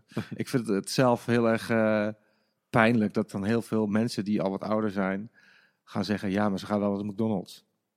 ja. ja, ja Dat je, dat je, dat ik je, ben daar scholieren, dat je, dat, je die, dat je die gaat, dat je daar zeg maar alle criteria van volwassen mensen opplakt, die dan in één keer niet hypocriet mogen zijn als ze mogen weten. Terwijl het gewoon, ja, als er een stukje idealisme zit in die kinderen, dat is toch top. Dan ga je toch niet gelijk daar gaten in proberen te prikken. Al, eh, weet je, hoe fucking cynisch kan je zijn? En aan de andere kant dan zeggen sommige van die mensen weer... ja, vlees eten heeft geen slechte invloed op het klimaat. Dus dat is ook wel... Dat is, dat is ook wel waar, ja, inderdaad. Of die zeggen, als het dan zeg maar eh, in, de, in de winter min 10 is een keer... Ja, kijk, zie je, global warming is een fabeltje. Terwijl het ook gewoon onderdeel ervan is. Maar ja, dat is de, de hitserij die dan plaatsvindt. Dat vind ik zo bizar. Ja, ik, ja ik, vind, ik vind wel goed dat die scholieren dat... Het is niet... Ja, misschien... Ik weet ik ben 32. eh, ook nog mijn toekomst, maar nog meer hun toekomst. En Ja. eh, dat vind ik juist heel goed. Juist dat... Ja, ik ook, ja. Nee, ik bedoel, tuurlijk. als iemand mag klagen, zijn zij het. Ja. Niet eh, als je 60 plus bent eigenlijk. Nee, plus, plus ik Nou, dan mag je ook klagen. Alleen Ja, het- ik vind het, wat je niet moet doen, is eh, die kinderen beoordelen alsof het zeg maar volwassenen zijn die alles van de wereld weten. Tuurlijk gaan ze nog naar de McDonald's. Natuurlijk snappen ze niet alles. Want het zijn fucking kinderen. Weet je, doe normaal. Laat die kinderen gewoon lekker protesteren. Ik bedoel, ditzelfde mensen die gingen protesteren tegen de tweede fase of zo. Weet je wel, dat was pas bullshit om daar tegen te protesteren. Laten we wel zijn. Ja, kijk, je hebt natuurlijk, wat, wat, wat, wat zij natuurlijk vinden, is dat een, een deel daarvan gewoon alleen maar een dagje wil spijbelen. Maar ja, lekker belangrijk. Ik bedoel, dat, dan, dan wil een deel dat. Ik bedoel, het Ja, is ook echt niet toch- alsof... eh, Ja, ik vind het ook wel af en toe raar dat mensen van nou, ja, 40 plus, weet ik het, beslissingen maken voor, voor hun over klimaat en hoe snel we windmolens Ja. moeten plaatsen. Nou, dat vind ik, is raar, maar ook wel ergens Logisch, niet raar. ja. Maar, eh, en wat ik ook wel jammer vind, is dat heel veel politieke partijen dan wel een beetje die scholieren voor hun karretje spant. Op een of andere manier. Dat voel je dan ook wel weer een beetje. Maar dan nog is het in, in zijn geheel is het natuurlijk gewoon top dat die scholieren dat doen. Is jouw eh, dochter gaan eh ga al gaan... protesteren? Hoe oud is ze? Anderhalf? Ja. Twee, tweeënhalf. Haar is het nog belangrijker. Twee, twee, tweeënhalf en, eh, Ja. en, en, eh, en, eh, bijna drie maanden. Ja, dus Nee, voor haar die is het heel waren nog even- nee, die, nee, weet je, we waren met z'n allen in de Mac op dat moment. We hadden, we hadden geen tijd. Maar, we waren heen gevlogen. Ja. Maar ben, ben jij, omdat jij eh, klimaatwetenschapper bent, ook zeg maar in je dagelijks leven dan heel veel bezig met klimaat ook? Eh, nou ja, ik fiets naar mijn werk. Eh, maar eh, ik, ik, eet, ik eet nog steeds wel vlees. Eh, ik eet wel minder vlees. Ehm, ik moet helaas veel vliegen voor mijn werk, dus dat is altijd een beetje hypocriet. Ja. Ja, dat is dat, ja, aan de ene kant hypocriet, maar aan de andere kant het is een beetje een balans die je dan opmaakt, toch, denk ik. Ja, Ja, nou, dus toen ik, ik heb ooit een keer zo'n klimaatverantwoord ding ingevuld van het Wereld Natuurfonds. Oké, nou, ik dacht, ben benieuwd. Ga ik al die dingetjes intikken. Ging helemaal goed, tot het vliegen. Eh, dus ja, dat, dat is altijd wel... Maar je kunt je CO2 compenseren hè, door ja, planten maar en zo. be- nog beter is niet vliegen, denk ik. In dat ja, dat is waar. Maar je, maar je kunt dus wel iets eh, tegen. Nou, er doen veel Skypes en telecons en dergelijke, maar sommige dingen, ja, dat, dat gaat gewoon niet. Dus eh, nou ja, kijk, en als je voor je werk vliegt en je is het een beetje misschien dat je, dat je een soort van noodzakelijk... Beter dat jij vliegt naar een plek waar dan er iets gebeurt, dan dat er gewoon mensen op en neer naar eh, Tenerife vliegen. Nee, ja, maar ja, precies daarom. Dus dat, dat, vind ik, dat zijn ook nog gradaties in, toch? Maar dan heb je dus ook als politici zeggen dat ze iets doen- willen doen voor het klimaat door bijvoorbeeld eh, vliegen duurder te maken. Wat ik denk, ik denk dat dat een hele goede maatregel is. Ja, ik vlieg zelf ook nog redelijk veel. Dan ga je dan gelijk mensen die zeggen, ja, maar je vliegt zelf ook veel, dus dan moet je die doen. Maar dat is, dat is zo'n bullshit. Dat is hetzelfde als tegen een moordenaar zeggen, die zegt, je moet niet moorden. Ja, maar jij bent een moordenaar, dus je hebt ongelijk. Moorden is goed. Ja, wa- wa- waar slaat het op? Ja, Ik denk dat dat eh, het duurder maken van vliegen eh, is. Ik denk dat het echt een hele goede maatregel zou zijn. dat denk ik ook. Ik bedoel, dan, eh, kijk, dan zou je dat, eh, betaalt het bedrijf dat, of de universiteit in dit geval. Nou ja, eh so what, eh, of betaal ik het zelf. Ja. Dan ben je in ieder geval iets meer dan bewust ervan ook. En, eh, want nu is het zo goedkoop, sommige dingen. Ja, sommige dingen gaan echt helemaal nergens meer over. Dat je echt, je gaat dan eerder vliegen dan met de trein of zo. Nou, je, dat moet je op een gegeven moment wel een beetje. Ja, dat, je Eh, voor vijf, laten dat je voor 5 euro, als je op tijd boekt inderdaad, naar, Ja, eh, dan kun je gewoon de Portugal kan over, komen. ja. Dat is echt absurd natuurlijk. Maar zijn we echt de lul, denk je? Dat is eigenlijk toch wat iedereen wil horen op, eh, die die podcast luistert. Laten we even. We willen allemaal we ja, doemscenario's. je een Hoe wetenschapper snel met- gaan we ja. dood? ja, dan krijg je een wetenschapper met een genuanceerd antwoord. Ja. Ja, eh, nou, Nederland niet, denk ik. Wij, Lekker wij- voor je rest van de wereld. Misschien worden we dan eindelijk een keer wereldkampioen. Wij, wij, hebben dat Als geld. we de enige zijn die over. Ja, wij, wij hebben, zoals ik eerder zei, wij hebben dat geld. Dat is een beetje, wij zijn, wij zijn niet arm. ja, Eh, dat komt eerlijk wel. Dat maakt het dus Maar ik kan me voorstellen dat als op een gegeven moment de zeespiegel, zeespiegel stijgt, Ja. dat dan hier het een en ander wel. Eh, veranderd. Ja, Ja. dat denk ik ook. Ja, er was laatst eh, zelfs eh, iemand had een tekening gemaakt van Nederland van hoe het eruit zou zien als de zeespiegel even een flink stuk stijgt. ja, dus, dan zijn we tot eh, Arnhem eh, overstroomd of zo, toch? Ja, daarom ben ik alvast gaan wonen boven het zeeniveau. ja. Misschien moet ik dat ook gaan doen.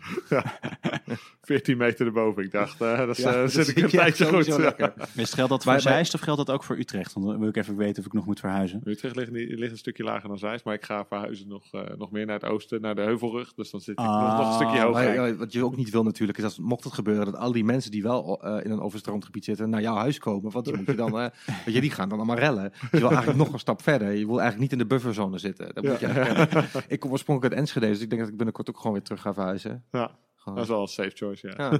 ja, op toch? Ja. Ja, zeker. Best wel heftig dat zo'n groot gedeelte van Nederland dan gewoon blank komt te staan, toch? Ja, ja, ik denk dat we gewoon ons eh, voorlopig nog even de, alles eruit pompen. Dus gewoon zorgen dat met pompen dat we gewoon daar geen last van hebben. Hogere dijken, pompen. Ja, maar toch, is het, toch vind ik het een heel raar gevoel dat je eigenlijk gewoon met dijken dat water tegenhoudt. Want op een of andere manier moet het toch te doen zijn dat je, eh, eh, eh, ja, ik weet niet, ergens een bom neerlegt en dat heel Nederland dan overloopt en dat het gewoon permanente schade is. Ja, dat... eh, je, je zou gewoon Amsterdam kunnen wegvagen, volgens mij in drie stappen. Dat gevoel heb ik heel erg. Dat kan natuurlijk niet. Maar dat, Je hebt dat gevoel dat je dat wil doen. nee, helemaal niet, want ik hou van Amsterdam. Maar het, het is een heel erg een, ehm, een van, ik, het voelt heel erg fragiel aan. Ja, nee, zeker. Nee joh, dat kan allemaal. Ik bedoel, als we alles wat we in Zeeland eh, en, eh, en, en in het noorden hebben gebouwd, eh en shit, dat zijn denk ik Ja. goede. Als je langs Schiphol rijdt, staat altijd op zo'n brug staat zo'n min, wat is het, drie meter onder zeeniveau. Ja. Dat is ook altijd, denk ik, altijd, wat alle mensen die hier aankomen nu, wat denken die dan? Als die Ja. hier, eh, Het zou ook wel raar zijn, mocht het ooit gebeuren. En heel Nederland staat blank. Maar er is net een vlucht naar, eh, opgestegen naar Amsterdam. En die wil daar landen. Die denkt dan, eh, wat is er aan de hand? Die radar is niet goed of zo. Wat zou die dan doen? dat zou echt heel raar zijn, toch? Ja. Ja, nee, ja, die moet dan zijn. ehm, ja, wat, je, wat, wat Donald Duck vroeger had als hij naar de jungle ging. Dat, dat je dan van die eh, waterski dingen krijgt om te landen. Oh ja. in plaats van wielen.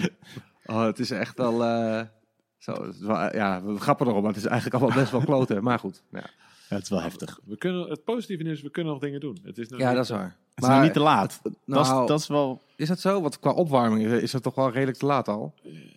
Ja, er zijn allerlei warming tar- eh, targets van, oké, we willen anderhalve graad. Dat was, eh, dat was op in Parijs op een gegeven moment op een congres. Eh, het is weer 2 graden, 2,5 graden. Dus het is welk, welk scenario wil je doen? Als je 2 graden wil behouden met de hele wereld, dan moeten sommige landen, inclusief Nederland, eh, iets meer eh, gaan doen daaraan. Ja. Eh, eh, maar Maar vooral China en India. Maar oké, ja. China is eigenlijk harder bezig qua eh, hernieuwbare energiebronnen en dergelijke Ja? dan Nederland op dit moment. Maar het probleem van China is dat ze dan weer kolencentrales bouwen in andere, Ja. andere En, landen. en het probleem is ook dat ze met anderhalf miljard zijn. Er zijn ook met iets meer mensen dan in Nederland. Maar, nou ja, kijk. En als je dan die twee graden hebt van, oh, we hebben de twee graden gehaald. Dan is het niet meteen dat je in één dag de gevolgen ziet. Want die gletsjers die smelten nog, die poolkappen die smelten nog. Dus dat gaat nog een tijdje door daarna. Dus ja, dat is iets wat... Nou, daar hebben ik en mijn collega's veel werk aan. Oh, in ieder geval zin om te kijken wat gaan we dan gebeuren, beter begrijpen wat er gebeurt. Ja. Ja. En in het uiterste geval maakt het toch niet uit over 5 miljard jaar. eh, gaan we toch allemaal dood omdat de zon dan de aarde vernietigt. Dus eh, zo kun je ook denken. Positief. Nee, Ja. positief. je kan ook positief blijven Ja, denken. daarom. Ik denk van ja, je kunt een altijd pessimistisch blijven, maar weet je. Makkelijk praten. Nico, wanneer wist je dat je wetenschapper wilde worden? Eh, vroeger wou ik eigenlijk eh, bioloog worden, net zoals mijn ouders. Maar eh, langzaam... Dat ik is ook denk, wetenschapper. Dat is ook wetenschapper, zeker. Nee, ik denk het laatste jaar van mijn studie. Ja, ik denk toen ik een studentenbaantje kreeg om data uit te gaan zoeken. En toen kreeg ik heel veel vrijheid. Om Wat, heb- wat heb je gestudeerd? bodem, water, atmosfeer in Wageningen. Maar dat is dat toch wel een redelijke stap in wat je nu... ja, dus kijk, eerst ga je studeren en dan vervolgens is het van, oh, wil je ook nog promoveren? Dus ja, eh, dokter worden. En eh, dat wist ik eerst niet zeker. Ah, op die fiets. Ja. En, eh, maar had je niet, toen je bijvoorbeeld een klein jochie van acht was, af en toe al het idee van ik ga die kant op? Ik wou sowieso studeren, dat wou Ja. ik sowieso. Ook toen je acht was al. Oh, toen ik acht was. Ja, wel. ja, als of ik slim genoeg was. Of ik slim Ik ga sowieso bij het koor. Hoe ik slim genoeg was, dat wist ik niet. Maar, eh, nee, en ook altijd slootjes graven, heb ik ook altijd gedaan. Ja. Eh, maar eh, ja, en het- was echt la- het laatste jaar van mijn studie. Toen dacht ik, ja, oké, ik wil ook een PhD gaan doen. Dus eerst is wetenschap als studeren. Ja. Ja. En daarna is wetenschap, oh, ik wil professor worden, bij wijze van. Oh ja. Ik, wil- ik wil even, even terug naar iets wat je net zei. Ja. Ik, Aad vroeg, wanneer je, wist je dat je wetenschapper wilde worden? Toen zei, je, toen zei jij, ja, en toen ik een set data kreeg, Ja, toen zijn er denk eh, heel weinig mensen die dachten, bam, nu Ja, weet ik het. Ik zet data, nu ga ik wetenschapper dit wil worden. ik, eh, wil ik doen. Ja, nee. ehm, nou ja, dat was pff, 2009 of zo, denk ik. Ja. En toen, eh, na een excursie, vroeg een van de docenten: Ja, wil je, eh, ehm, wil je me helpen met nieuwste klimaatprojecties? En ja, dat heb je geen idee. eh, of je- Nee. als je net studeert. Dus en wij, ja, in die, er was nog niet zoveel expertise om die dingen te bekijken, wat we ermee te doen en dergelijke. Toen vroeg zij tegen mij: Nou, als jij een jaar voor mij komt werken als bijbaantje, eh, dan betaal ik je gewoon, kun je gewoon studeren. En dan eh, help jij mij met die, die data uitzoeken. Dus die Ja. klimaatprojecties en dergelijke. En dan kijken we wat we ermee gaan doen. Ja. Maar toen kreeg ik eigenlijk betaald om willekeurige dingen op Nou te ja. zoeken die ik nog niet wist. Nou, dat was... eh, Dat vond je leuk. dat vond ik heel leuk, ja. ja. Daar heb ik prima genoten. Ja, oh ja, dat begrijp ik wel. Als je, Ja. die, die- dat- je gewoon de lol van, eh ja, nou, gewoon willekeurige dingen kunnen uitzoeken en dat dat gewoon een baan is. Ja, Ja, dat, toch? was, dat, dat is wel zeker waar, ja. ja. Ja. Wie had dat ooit gedacht? Toch? Ja, nee, maar dat, is, maar dat is bij heel veel dingen, toch? Dat is, dat, dat dat wel een trigger is. Dus een Ja. beetje zoals dit wat wij doen. Ja. Wij praten met jou. Dat is gewoon heel leuk om te doen. Maar dat is dus ook werk. Weet je, Ja, dat kan je ja. dus gewoon doen. Nou ja. Dus dat is wel, wel te gek, weet je. Ik denk dat we nu een heel mooi bruggetje hebben naar het volgende onderdeel. De faculteit van huistuin- en keukenwetenschappen. Namelijk de faculteit van huistuin- en keukenwetenschappen. Daarin gaan we met onze luisteraar op zoek naar momenten waarop zij dachten... Yes, ik ben eigenlijk best wel wetenschappelijk bezig. We hebben vorige week gevraagd of mensen inderdaad een leuk verhaal, een leuke anekdote over hun eigen wetenschappelijke bevindingen in konden zenden. En we hebben vandaag eh Egbert, die heeft iets ingezonden. Dat ga ik even voorlezen. Dat is altijd leuk, hè? Dat is leuk. De eerste Ja. keer dat we een inzending hebben. Dat is best een bijzonder moment. Dat is, ja, dat is zeker. Ik Eh, weet je wat we moeten doen? We moeten Egbert belonen Ja, waar gaan we mee belonen dan? eh, met de mok. Ja, we hebben namelijk een makkelijk praten mok. Ja, de enige echte. Makkelijk praten Wat, mok. wat wel ironisch is, als je zo'n mok drinkt kun je dus juist niet praten. Maar oké, ja. Maar daarna, Daarna ja. afhankelijk van wat je erin Dus stopt. eh gefeliciteerd Egbert. Eh, ja, onze assistente zal binnenkort contact met je opnemen. En dan krijg jij een hele mooie, makkelijk praten mok toegestuurd. Toch? Ja, dat, zeker. dat is al heel mooi. Maar dan zou ik nu wel graag ook het Oh, je wil ook we- weten wat- daadwerkelijk voorlezen Ja, dus wat hij heeft ingezonden. Want jij, jij- Nee, ja, ik doe het helemaal verkeerd. We gaan nu, we gaan eerst kijken of hij die mok verdiend heeft. ja, want wat nou als dit een ontzettend kut verhaal is? dan gaan we naar de volgende inzending. Hè? Ja. Wacht, even, ik ga hem nu even voorlezen als je het niet erg vindt, Sander. Ja. Oké, dit is Egbert. Eh, en zijn verhaal heet Vliegtuigvoet. Ja. Sorry. Ach, ik vind het een goed verhaal. ja. Als Nu ik dus ga vliegen, neem ik altijd slippers mee. Dus, ja, oké. Ja. Het, begin- het verhaal begint als een conclusie, maar oké. Vooral op van die vluchten die langer dan drie uur duren. Om de rest van het vliegtuig niet tot last te zijn met mijn blote platvoeten, neem ik van die instap Adidas slippers mee, waar je met je sokken in kan. Maar wacht even. Ik is- mag, zal ik eerst even het verhaal Oh ja, afmaken? sorry. Ja? Ik doe mijn schoenen uit als ik zit, slippers aan, heerlijk. Nu vraag je je vast af waarom. Nou, inderdaad, ja. Eh, reden, mijn voeten zijn twee keer zo groot als het vliegtuig uiteindelijk landt. Mijn schoenen aan of uitdoen is bijna onmogelijk. Dus daarom kun je altijd. Dus daarom kun je mij altijd op het vliegtuig herkennen aan die jongen met slippers, met daarin sokken, met daarin opgezwollen voeten. Dus hij heeft een jongen bij zich die slippers aan heeft. maar zeer tevreden. Nou, dat vind ik eigenlijk wel mooi. Want, want hij, dus eigenlijk, hij zag een probleem. Ja.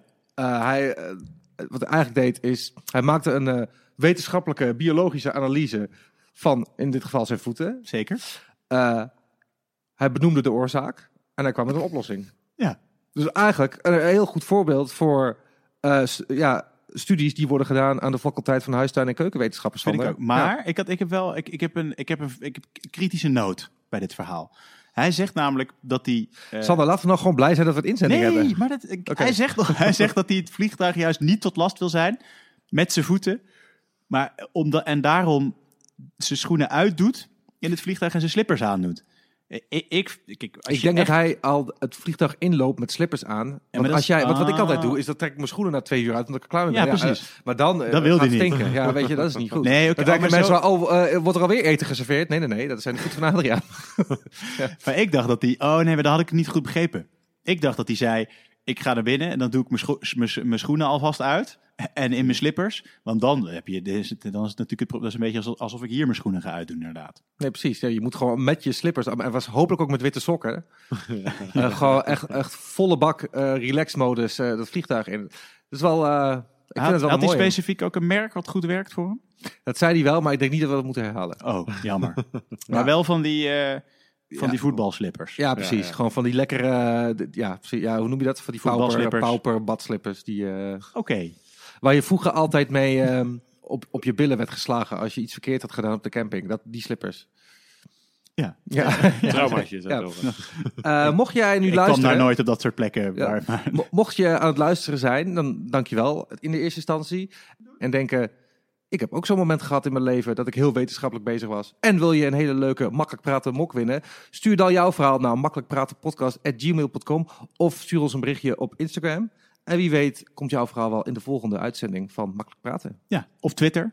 Of Facebook. Mag allemaal. Daar komt het verhaal ook door op, ja. Ja, nee, zeker. Maar dan mag je ook een berichtje Ja, sturen. absoluut. Uh, op elke manier waarop je ons uh, Kan bereiken. benaderen, gewoon doen. Dus ook gewoon via KVK-register Ja. of postduif.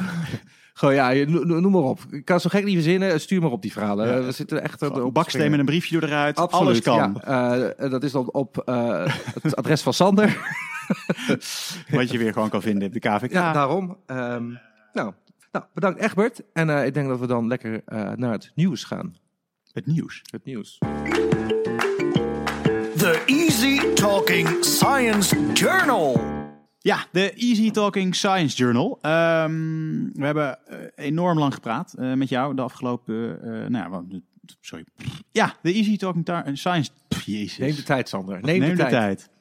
Het is niet zo easy talking als het lijkt. Hè? Zeker niet. Moet ook gewoon, Oh, blijf gewoon bij wat je wel kan. De Hard. Talking Science Journal. The Easy Talking Science Journal. Buiten eh, extreme droogte eh, en, en natheid en normale droogte in de Sahara eh, gebeurt natuurlijk nog veel meer in de wetenschap. Ehm, en dat bespreken we iedere week in de Easy Talking Science Journal. Ehm, we hebben een paar science nieuwsjes meegenomen. Aad heeft er een meegenomen. Ik heb er een meegenomen. Maar Nico, jij hebt er ook een meegenomen. Laten we gewoon eens beginnen met die van jou. Wat viel jou op de afgelopen tijd? Eh, ik had eh, een, een leuk bericht gevonden over eh, baked whales. Dat is een soort van eh, dolfijn. eh, die, Gebakken walvis. Ja, ja. Beaked whales, my bad, Oh. sorry. ik had er een gevonden over beaked whales. Eh, ik zal Jammer. Want ik, ik, had- ik, had, ik, had een, ik, had een, ik had een zalig gerecht gevonden met eh, gebakken walvis. Is het geen culinaire podcast? Oh, zat ik helemaal verkeerd? ja. Goed, zal ik opnieuw beginnen? Nee, ik vind Nee, het nee, ga dit- lekker dit- door. dit blijft erin. Blijft er zeker in. ja, die hebben de beaked whales. eh eentje over beaked whales. Die hebben incredible diving ability. eh, confirmed. Eh, ja, het is een soort van dolfijn die, eh, waar we ze wetenschappers hebben gevonden met GPS-trackers. Eh, dat ze tot eh, een grotere dieptes duiken dan dat ze hier op voorhand gedacht hebben. En eh, ja, die, die stond voor mij wel een beetje uit. En met name ook omdat ik altijd wel een beetje eh, gefascineerd ben van wat we eigenlijk niet weten. Vooral in de oceaan. Want we wisten nog niet dat ze diep konden duiken, deze specifieke gesnavelde walvissen. Deze duiken voor eh, 1400 meter voor eh, over een uur. Dus eh, dat is best wel eh, En dat is best wel diep, ja. een uurtje eh, adem inhouden. Dat is best wel, eh, best wel lang. En dan gaan ze daar een paar minuten gewoon heel hard lopen eten, toch? Ja, daar, daar gaan ze op zoek naar eten, ja. En dat wisten we nog niet, maar ze hebben met heel veel eh, data trackers en wat voor een uh, ongein allemaal hebben ze op, op een paar duizend van die walvissen hebben ze die gewoon geplakt. Ja, En daarom weten ze nu dat ze gewoon zo diep zijn gegaan. Ja. Dat En wat eten ze daar dan? Want die druk, dat is echt gigantisch hè, op die diepte. Dus het is best bizar dat zo'n walvis dat aan kan. ja. ja, Dat, is het vooral. Toch? Dat is, echt heel bijzonder. Ja. En wat is dan, wat, wat, wat eten ze daar dan? Ben ik wel benieuwd. Zit daar specifiek eh, iets of gewoon plankton? Ik denk dat deze walvissen of vissen eten of eh, octopussen of eh, dergelijke. Ja? Je hebt toch van die supergrote, eh, die, Ja, die pelwingsvissen. Ja, maar potvi wat potvis eet toch ook plankton, of niet? Nee, pot- potvissen eten pelwingsvissen. Echt? Ja. Ik dacht dat die, ik dacht dat, dat die allemaal plankton aten. Nee, dat zijn die, eh, de blauwe vinvissen en zo. Die- nou, dan heeft die documentaire Finding Nemo mij helemaal op het verkeerde been gezet. ja, dat is ook wat hè. Ja. Nee, nou ja, ik, ik, ik, ik zag hem langskomen en ik denk, ja, er zijn zoveel dingen die we eigenlijk niet, nou, eh, Ja. wat we niet weten. Soms ook, ook van die enorme octopussen die aanspoelen, waarvan we eigenlijk niet weten hoeveel er nou zijn, hoe diep ze leven en dergelijke. Dat vind ik altijd wel eh, fascinerend. We weten ook niet alles over het land, maar wat onder water gebeurt, weten we helemaal niet. En eh, Ja, dat, Ja, hoeveel, dat, dat vind ik altijd zo extreem, dat daar gewoon echt een soort van hele wereld bestaat, ja, die we niet, eh, Ja, je moet, eens, moet je maar eens googlen of eh, 10 scariest fishes of zo. Dan zie je echt de meest rare eh, creatures. Echt heel eng. Echt, het ziet er echt niet uit. Maar ja, er is ook helemaal geen licht. Dus normaal zie je dat helemaal niet. Maar dat is, dat is echt heel freaky. Ja. Super tof wel. ja. Nou, ik, ben- ik ben altijd, ik denk van, ja, je ziet die hele rare vis die andere levens, of nou, levensvormen, maar gewoon, en je hebt ook eh, zo'n, eh, de Mid-Atlantische rug, waar dan allemaal warm water, en daar leven dan wormen die dan kunnen tegen kokend water bij wijze. Ja, dat soort, dat soort bizarre ja. outliers van de natuur. Die Ja. gewoon van de evolutie, door de evolutie zo eh, zich hebben ontwikkeld. Dat ze gewoon, dat gewoon super bizarre wezens zijn. Daar kunnen we ons helemaal geen voorstelling mee maken. Maar dit zijn waarschijnlijk ook de wezens dat tegen de tijd dat wij al lang zijn weggevaagd door allerlei klimaatveranderingen, gewoon daar nog steeds te een beetje te chillen op de oceaanbodem. het wel eh, goed bekeken wat dat betreft. gewoon, eh, die gaan lekker door. Die, hebben, die weten niet eens dat wij er zijn. Ehm, zal ik naar mijn nieuwtje gaan? Ja. Ja. Ja? Makkelijk praten. Ik had, ehm, eh, een, een, er was een artikeltje eh, wat erover ging, dat er een nieuwe dinosaurussoort eh, met stekels op de rug eh, en nek is gevonden in, ehm, in Argentinië. Ehm, en eh, die heet, moet ik even spieken, de, ba ik zal het zo bij dit, dit soort dinosaurusnamen, Baiadasaurus. Oh nee, Prono, Baiadasaurus pronus pinax, zo heet hij. Dat vond ik gewoon te gek. Dat er weer eentje is. Maar ook omdat als je kijkt naar de foto, dat zijn stekels staan dus eh, eh, tegenovergestelde, eh, tegenovergestelde richting. En wat ik vooral grappig vond hieraan, waarom ik het meegenomen, is dat de hoofdonderzoeker, die zegt dan, we denken dat de lange scherpe stekels op zijn rug bedoeld zijn om roofdieren af te schrikken. Nou ja, dat denk je van, dat is, dat is logisch. Maar vervolgens denken ze ook nog, weten ze het eigenlijk gewoon helemaal niet zeker. Eh, zeggen ze, maar ja, het zou eh, eh, ook, eh, ook kunnen zijn dat het eh, eh, de lichaamstemperatuur van de dino regelt of eh, om hem seksueel aantrekkelijker te maken. alle, alle mogelijkheden. Alle mogelijkheden. Of gewoon om marshmallows op, op te doen en dan lekker, te, lekker marshmallows warm te maken. Nee, dat vind ik zo te gek. En Die, gast- ik was het lezen dacht ik, ja, ja oké, ja, boring. Maar dan eigenlijk, OPS trouwens kan ook zijn dat hij gewoon heel knap erdoor wordt. Of, eh Ja, hoeveel jaar weet je eigenlijk ook niet. denk ik ook niet. We hebben hem in ieder geval wel gevonden. We hebben in ieder geval eh, alle mogelijkheden eh, gedekt. Dus de verklaring is aanwezig. hij zit ertussen. Hij zit er. Nee, dat was voor, ik, ik vond het wel geestig. Ik vind dinosaurus altijd sowieso wel bizarre, bizarre beesten ook. En Ja, heel vet. ons niet overleefd overigens. Sorry? Dinosaurus hebben ons niet overleefd. Nee, niet wel. Welke? Eh, De krokodil. Vogel, vogel, vogelsoorten die ook dinosaurus zijn, toch? Ja, welke? Ze Struisvogel. stammen af van. Ja. Ja. Maar of die mag je die niet dinosaurus meer noemen. Geen- de geen- definitie van dinosaurus is dat ze zijn Dat ze dood- dat ze uitgestorven zijn? zijn die uitgestorven zijn dan. Oké. Ja, dan- maar vogels komen er vanaf, volgens, voor zover ik weet. Oké, nou ja, dan hebben ze ons inderdaad niet overleefd. Lekker voor je. ze, le- ze, ze, ze leefden wel een stuk langer. Mensen 1, dinosaurus 0. We beginnen een zwart randje te krijgen. Maar gelukkig eh, hebben we nog jouw eh, nieuwsberichtje, Aad. Oh, ja. Eh, wat denk je dat duurder is, Sander? Eh, vijf uur lang parkeren in centrum Amsterdam of vijf uur lang rondrijden in centrum Amsterdam als je kijkt naar de benzinekosten? Mm, nou, ik weet dat in Amsterdam net weer de, eh, de parkeerprijzen omhoog zijn gegaan. Wat is dat?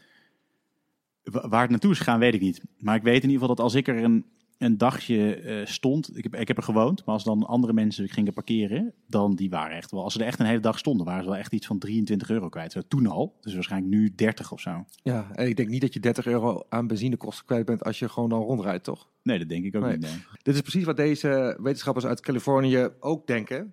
Die ehm, verwachten namelijk dat eh, als we straks zelfrijdende auto's hebben, dat die auto's niet zullen parkeren, maar rond blijven rijden, wachtend op jou, omdat je dan kosten bespaart. En wat hij dus verwacht is, als je straks een paar duizend van die auto's hebt, bijvoorbeeld in San Francisco, dat dan al het verkeer daar helemaal eh, opgestopt zal raken en dus eh, alles vast zal staan. Doordat niemand meer zijn auto parkeert. Parkeren op straat dus. Ja, ja dat is het eigenlijk. En dan gewoon- ja, dus dat is echt, echt super, een super chill modern probleem.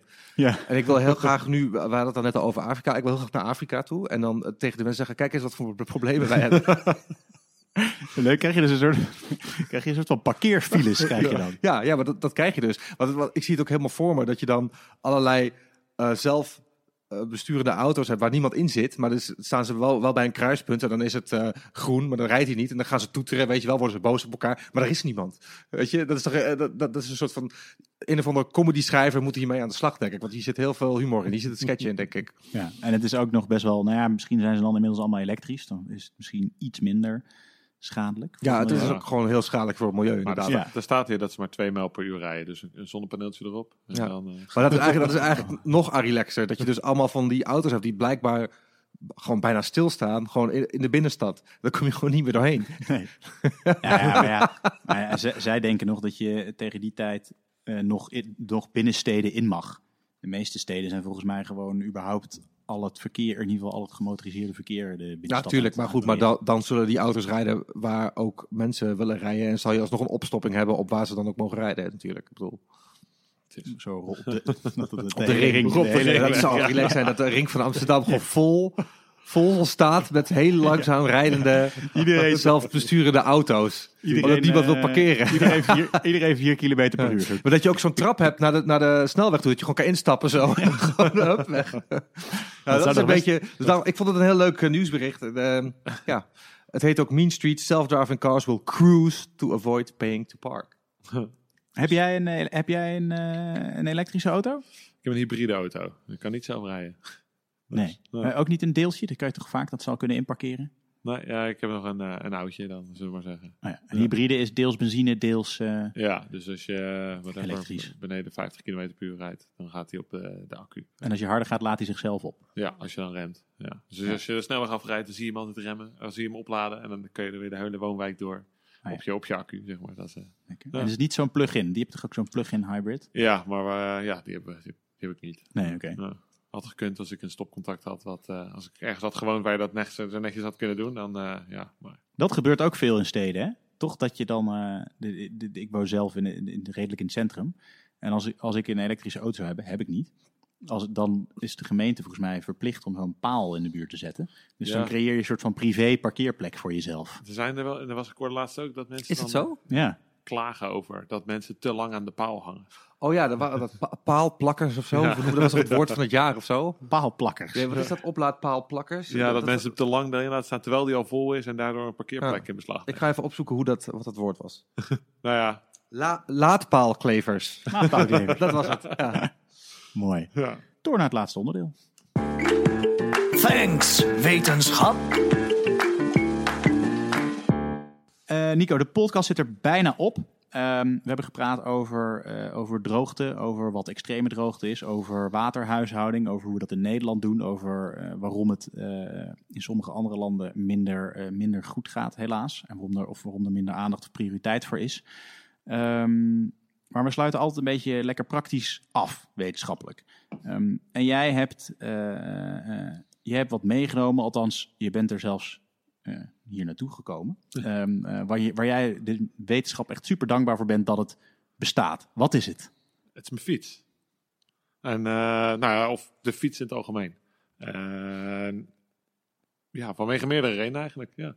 Ja? Ja, Vertel. eh, Reden nou, 1. één. eh, ik kan ermee naar mijn werk. Ja, dat is wel... Maar ja, ja, Ja. ja. Twee, houd me fit. Ja, dat is ook waar. Ja. Eh, drie, eh, nou ook goed voor het klimaat. Geen Dat CO2-uitstoot. Eh, vier, eh, is het ook mijn vrije tijdsvoorziening. Dus ik doe heel veel mountainbiken en racefietsen. Oké. Dus houdt me een beetje eh, normaal. Eh, zover. Eh, dus afwisseling tussen weet- werk en privé. Dus dat Ja. je gewoon nog lekker... eh, lekker bent. En vijf vind ik het altijd wel fascinerend dat iedereen in Nederland kan fietsen. Als je kijkt naar het buitenland. Ja. ik eh, ben in Amerika ook rondgefietst. Ja, Ja, hebben heel wat doen. mensen... Ja, wel gedaan. Maar dat je mensen ziet kijken van wat... eh moet wel Nederlander zijn. Maar het is bizar, toch? Dat je, ik, heb, ik heb wel zo'n... ehm, eh, toen ik eh, op vakantie was in, in, eh, in, eh, in Bangkok, heb ik zo'n fietstour gedaan door de stad. En dan ga je er allemaal van, daar begin je, dan ga je er ook allemaal hele weet je, stukjes waar over dunne stoepjes. En dan, ga je, en dan, en dan z- zaten wij, wij zaten dan met, met waren vier Nederlanders bij. Nou, die fiets echt overal alsof het niks is, weet je. Kijken niet eens, gewoon zonder handen en zo. En er waren inderdaad ook een paar Amerikanen bij, maar ook zelfs, ook zelfs Duitsers en zo. En echt, nou, gewoon, weet je, in principe op een normale stoep, gewoon van, nou, wat pak een beet, anderhalf meter meter, is gewoon peanuts, toch? Daar ra- daar rach je gewoon overheen. Je Nou, die zaten, die, was alsof ze, was alsof ze in het circus zeg maar over een koord aan het fietsen waren. joh. Die hadden echt, echt alsof ze ieder moment een ravijn in konden storten. Dat was echt heftig. Ja, en dan ook eh, remmen op onnodige momenten en Ja. dat soort eh, dingen. Ja. Ja. het eh, nee, ik vind het heel erg. Toen ik in de VS woonde, fiets ik naar mijn werk. En dan heb je twee typen automobilisten. Degene die denken, wat, eh, wat een idioot, en rijd ik strak langs en ik hoop dat hij eraf valt. En degene die zo bang voor je zijn, dat ze liever naar de hele andere weghelft gaan en dan nog iemand aanrijden. Om het maar te voorkomen dat ze jou aanrijden. Dat is, eh daar zijn ze helemaal niet aan gewend. eh. maar ja, Wat voor fiets eh, heb je om mee naar je werk te fietsen? Want je doet, je doet hoeveel kilometer per dag? iets meer dan nou, 9 heen, 9 terug. Dus iets rond de 100 per week. Oh ja, oh, dat is best wel, dat is wel Ja, fors. ja, eh, en dan nog in het weekend sportief. En dan eh, ja, maak, je wat, maak je kilometers per jaar, hè, zullen Ja. zeggen. rij je in het weekend ook naar je werk eh, om eh maar Ja. kilometers te maken. Ja, op en neer, wetenschap houdt nooit op. ja. Ja. nee. nee, dan rijd ik over het nu ik mountainbike. hier toch ben, even nog wat werk doen. het gebouw is eigenlijk dicht in het weekend, Oh, dus ik kan niet eens werken. Balen. Ja, nou, dat is ook wel goed. Wat, wat voor fiets heb je voor eh, woonwerk? Speciaal of gewoon een, gewoon een oma-fiets? Eh, nee, een, ja, een hybride noemen ze dat dan. Dus een kruis tussen mountainbike en oma. Deels, ele- deels elektrisch, deels diesel. ja. nee, volledig aangedreven door mezelf. Eh, maar met een rechtstuur en eh, veel versnellingen. Ja, 9 kilometer, soms tegen de wind in, soms met de wind mee. Dus ja, dan- Het is een kruising tussen een racefiets en een normale fiets. Ja, zodat je, zo, eh, dat je wel snel kan gaan en dat je achter de elektrische fietsen kan hangen, een beetje voordeel pakken. Ja, een beetje, uit, wat ja. zei jou, uit de wind fietsen. Ja, te wind fietsen. In het eh, wiel van een bejaarde. Ja, die dan met 30 puur langskomt Ja. eh, zeilen. Dus eh, ja, nee, dus... eh, en dat fiets lekker, eh, lekker op en neer. En dan heb ik nog eh, twee racefietsen, mountainbike. Eh, ja, dat was hem alweer ongeveer. En, dus ja. Doe je veel, ehm, zit, doe je veel toertochtjes? Ja, nou, merendeel gewoon eh, ja, eh, 100 kilometer racefietsen of eh, ja, dus dat soort dingen. Dus dat is toch vijf keer op en neer naar je werk. Ja, Ga je dan ook op, op en neer naar je werk. nee, nee, ik probeer dan dat te voorkomen. Ik probeer Zou je, Utrecht dat, te zou je altijd gewoon... Utrecht de meiden. Ja. Zal- een stukje, zal een stukje. als een autist op en neer. Ja, precies. Ja. Nee, ik eh, ga gewoon lekker naar, naar, ja, inderdaad, naar het oosten van de, de provincie Utrecht. Dus weg, weg van de, de stad, want daar rijden alle auto's. Dus dan eh, probeer ik dat te voorkomen, over de dijk of zo. Ja, dus voor mij even een manier om te relaxen. Dus dat is wel lekker. Lekker. Is, is de fiets eigenlijk, is dat echt, is dat ontstaan echt door de wetenschap? Of zijn we daar per ongeluk eh, tegenaan gerold? Weet ik, ik weet helemaal niet wie, hoe de fiets is ontstaan.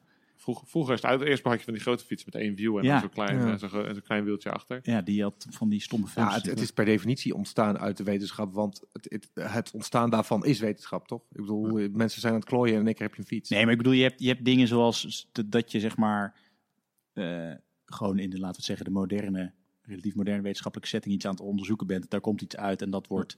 En je hebt, ehm eh, hey, ik kan een boomstonk eh, rollen en, dat, is, eh, en ik heb het wiel uitgevonden.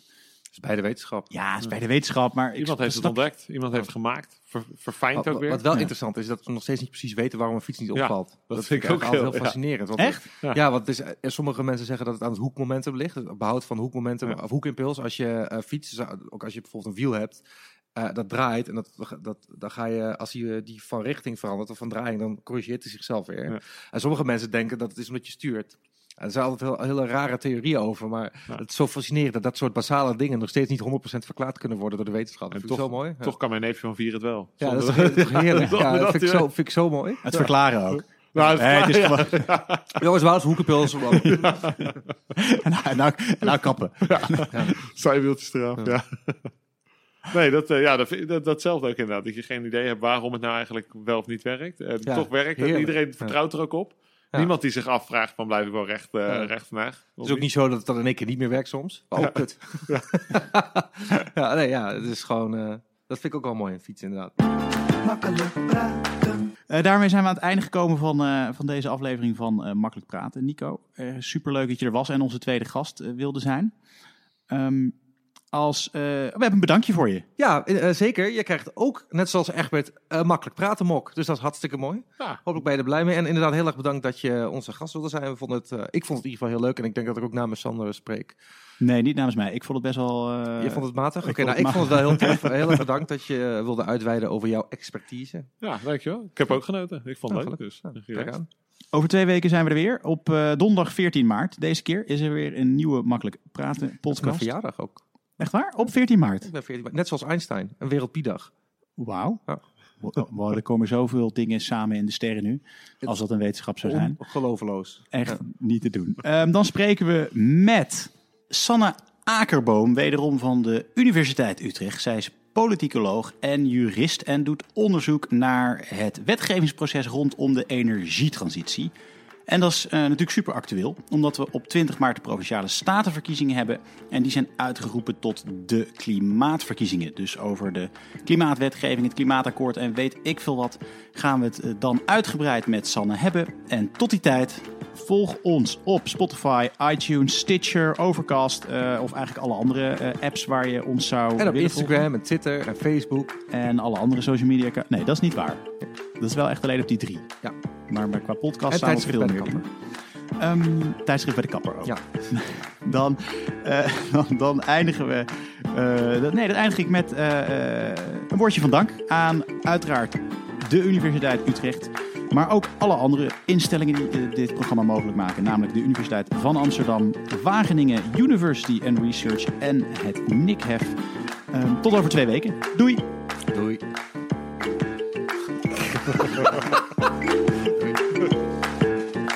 Tot de volgende!